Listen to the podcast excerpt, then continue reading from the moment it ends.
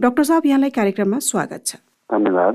Doctor साहब श्वास प्रश्वाससँग सम्बन्धित रोगहरू थुप्रै छन् यसमध्येको दम के हो? दम भनेको चाहिँ कुनै पनि छातीको समस्याले गर्दाखेरि चाहिँ श्वास प्रश्वासमा आउने कठिनाइलाई दम भनिन्छ। र मेडिकल भाषामा दम भन्नाले एउटा सिओपिडी अर्को चाहिँ एस्मा भनेर भनिन्छ। दुई थरीको समस्यालाई चाहिँ दमको रूपमा लिइन्छ र र यो विश्वव्यापी समस्या भएको हुनाले चाहिँ यो विशेष गरी यस मौ यस्तो खालको मौ जाडो चिसो मौसमहरूमा चाहिँ यो समस्या चाहिँ झन् बढ्दै जान्छ। कुन उमेर समूहलाई बढी सताउने गर्छ दमले? यी दुईवटा मध्ये सिओपिडी र एजमा भनिन्छ मुख्यतया दुई थरीको दम भनेर हामीले भन्यौँ। सिओपिडी चाहिँ प्रायः जसो अलिकति उमेर बढिसकेको मान्छे चालिस नागिसकेको प्रायः जसो त्यस्तो मान्छे उमेर समूहमा हुन्छ भने एजमा भन्ने समस्या कम उमेरका मान्छेहरूमा बढी हुन्छ तर उमेर बढी भइसकेका मान्छेमा पनि हुनसक्छ। तर एजमा चाहिँ कम उमेर समूहमा सिओपिडी भने चाहिँ उमेर बढिसकेको मान्छेहरूमा हुने समस्या हो। र दुइटैलाई मिलाएर भन्दाखेरि चाहिँ यो चाहिँ साना बाल बच्चादेखि लिएर पाका उमेरका मानिसहरूमा सबैमा चाहिँ श्वास प्रश्वासको समस्याहरू चाहिँ आउन सक्छ।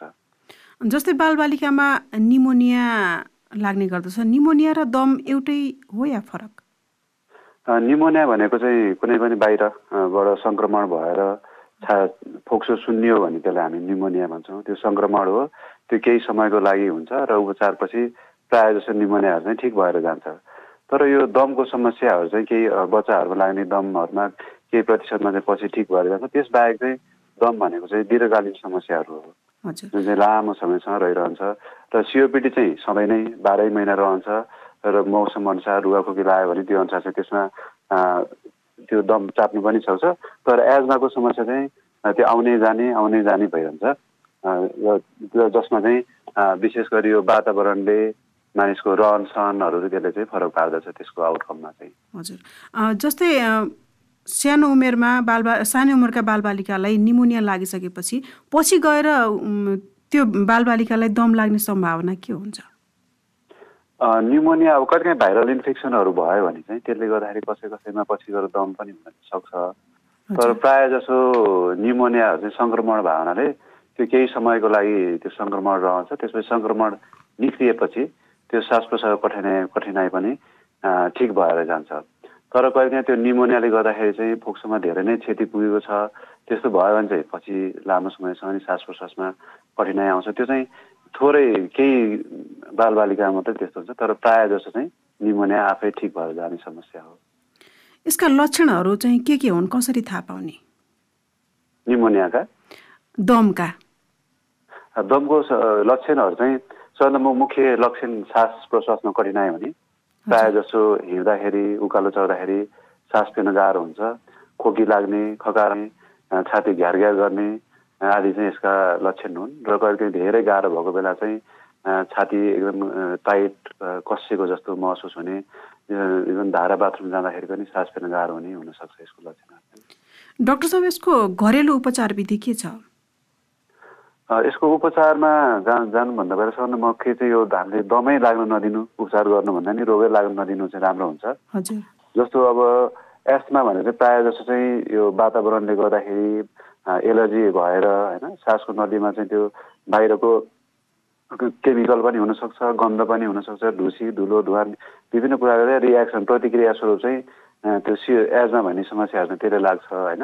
त्यो त्योबाट जोगिने उपाय अप्नाउनु पऱ्यो धुलो धुवाबाट जोगिनु पऱ्यो कुनै कुराहरूको एलर्जी छ भने ती कुराहरूबाट जोगिनु पऱ्यो र जुन वयस्क रूप वयस्कहरूमा लाग्ने जुन सिओपिडी छ त्यसबाट जोगिनुको लागि मुख्य चाहिँ हामीले यो धुम्रपान गर्नु भएन र धुम्रपान पान गर्ने व्यक्तिबाट पनि टाढा रहनु पर्यो।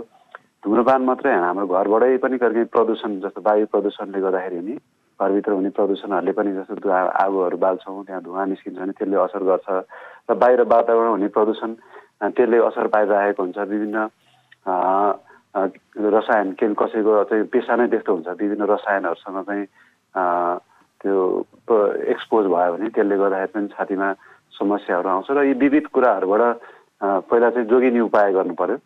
र यी जोगिने उपाय गर्दा गर्दै पनि अब समस्या छ भने चाहिँ त्यसको चाहिँ हामीले बल्ल औषधि उपचारतिर लाग्नुपर्छ र औषधि चाहिँ आफैले भन्दा नि चिकित्सकसँग परामर्श गरेर प्रयोग गर्नुपर्दछ। कस्तो खालको औषधि लिने कति समय लिने कसरी लिने आदि चाहिँ छलफल गरेर निर्णय गर्नुपर्ने हुन्छ।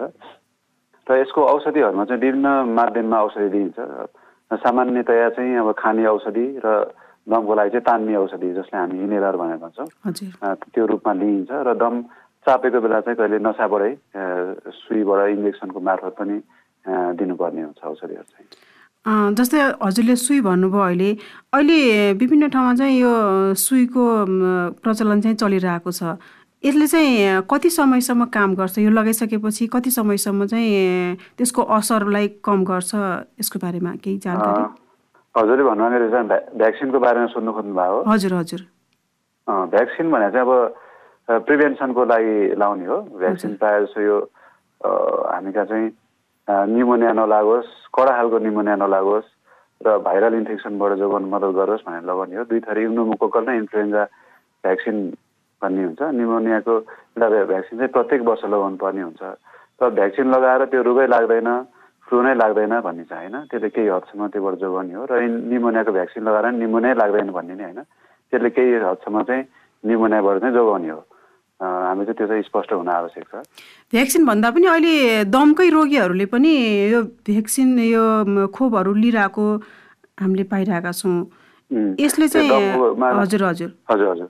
दममा लाउने सामान्य खोप भ्याक्सिन चाहिँ यिनीहरू हो। अरू चाहिँ अब सास फेर्न धेरै कठिनाइ भयो भने चाहिँ त्यसलाई सहज बनाउनलाई चाहिँ केही औषधिहरू चाहिँ इन्जेक्सनबाट दियो भने चाहिँ छिटो काम गर्छ बढी प्रभावकारी हुन्छ भनेर स्टेरोइड भन्छ त्यो इन्जेक्सनबाट दिइन्छ र एन्टिबायोटिक इन्फेक्सनहरू जस्तो शङ्का लागेको छ अथवा इन्फेक्सन सङ्क्रमण जब देखियो निमोनिया देखियो भने चाहिँ केही एन्टिबायोटिकहरू चाहिँ इन्जेक्सनबाट नसाबाट पनि दिइन्छ।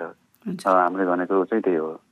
हजुर अहिले चिसो मौसम पनि चलिरहेको छ। यस्तो मौसममा चाहिँ दमका बिरामीहरूलाई बढी च्याप्ने गर्दछ। उनीहरूलाई जोगाउन चाहिँ हाम्रो गाउँघरमा आगो बालेर ताप्ने लुगाहरू धेरै लगाउने प्रचलन पनि छ। यसले गर्दा कतिको असर गर्छ या के गर्छ? लुगा लाएरै अब इन्फेक्सन नहुने भन्ने नै होइन दम गाह्रो हुँदैन भन्ने नै होइन। खास यो जुन यो मौसममा चाहिँ एउटा चाहिँ तापक्रमले गर्दाखेरि हामीलाई प्रत्यक्ष किन हामीले सास फेराएर त्यो चिसो हावा प्रत्यक्ष छातीमा जाने भएन त्यो तापक्रम चिसो भएको बेला चाहिँ अलिकति सासको नलीहरूमा सङ्कोचन आउँछ त्यसले गर्दा नि अलिक कठिनाइ उपलब्ध उत्पन्न हुन सक्ने भयो। अरू कुरो भने चाहिँ यो बेलामा चाहिँ भाइरसहरूको सङ्क्रमणहरू बढी हुन्छ। त्यो सङ्क्रमणले गर्दाखेरि दम चाप्छ अनि अर्को चाहिँ प्रदूषण बढ्छ यो मौसममा जस्तो पानी पर्दैन अब विशेष विशेष गरी सहरी क्षेत्रहरूमा र सहरी क्षेत्रको प्रदूषणले गर्दाखेरि आजभोलि गाउँमा पनि ती प्रदूषणहरू फैलिएर जान्छ। त्यो प्रदूषणले गर्दाखेरि पनि सासको नलीमा त्यसले असर पार्ने हुँदा अनि यो दमको समस्या चाहिँ यो मौसममा बढ्छ।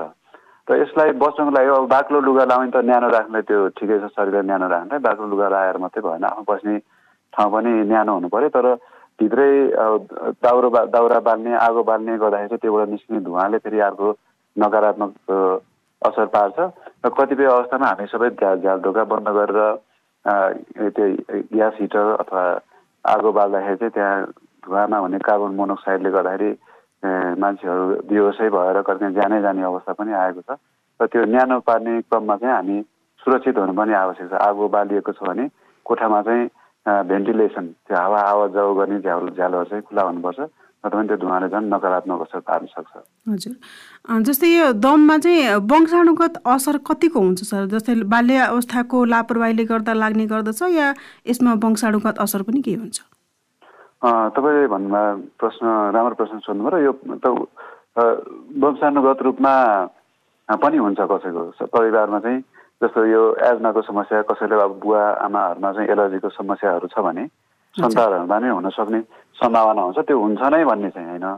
हुने रिस्क चाहिँ बढी हुन्छ। त्यस्तै सिओपिडी पनि परिवारमा छ भने चाहिँ त्यो हुने रिस्क बढी हुन्छ। र त्यसमा झन् हामीले अब धुम्रपान गर्ने यो प्रदूषित क्षेत्रमा बस्ने काममा पनि त्यस्तै धुवाहरूमा चाहिँ हामी एक्सपोज भयो भने चाहिँ त्यो हुने सम्भावना चाहिँ झन् बढेर जान्छ। डाक्टर साहब समय दिनुभयो यसको लागि धन्यवाद छ। अन्तमा यस्ता बिरामीहरूलाई के भन्न चाहनुहुन्छ? म यहाँहरूको यो मिडिया मार्फत यस सम्बन्धी जानकारी लिन खोज्ने श्रोताहरूलाई के भन्न चाहन्छु भने यो मौसममा चाहिँ यसो श्वास प्रश्वासको समस्याहरू बढी हुन्छ सङ्क्रमणहरू पनि बढी हुन्छ। र त्योबाट जोगिने उपायहरूमा चाहिँ जस्तो हामीले कोरोनाको बेलामा भाइरल इन्फेक्सनबाट कसरी जोगिने भन्ने जनस्वास्थ्यका जुन मापदण्डहरू थिए ती चाहिँ अहिले पनि त्यो पालना गऱ्यो भने चाहिँ त्यसले सङ्क्रमणहरूबाट जोगाउन मद्दत गर्छ। र अर्को चाहिँ अब यो धुम्रपान गर्ने व्यक्तिहरूले चाहिँ आफूले पनि धुम्रपान गर्नु भएन र आफ्नो परिवार साथीभाइको छेउमा गरेन भने उनीहरूकोलाई पनि त्यसको नकारात्मक असरबाट जोगाउन सकिन्छ। र प्रदूषणबाट अब सम्भव भएसम्म जोगिने उपायहरू अप्नाउने धेरै धुवाहरूमा जाँदाखेरि धुलोमा जाँदाखेरि मास्कहरू प्रयोग गर्ने गऱ्यो भने चाहिँ केही हदसम्म चाहिँ श्वास प्रश्वासमा आउने जुन यस मौसममा आउने कठिनाइबाट चाहिँ जोगिन सकिन्छ भन्ने म जानकारी दिन चाहन्छु। हवस् त डाक्टर सर आफ्नो अमूल्य सल्लाह सुझाव अनि समयको लागि यहाँलाई धेरै धेरै धन्यवाद छ। हस् यहाँलाई पनि धेरै धन्यवाद।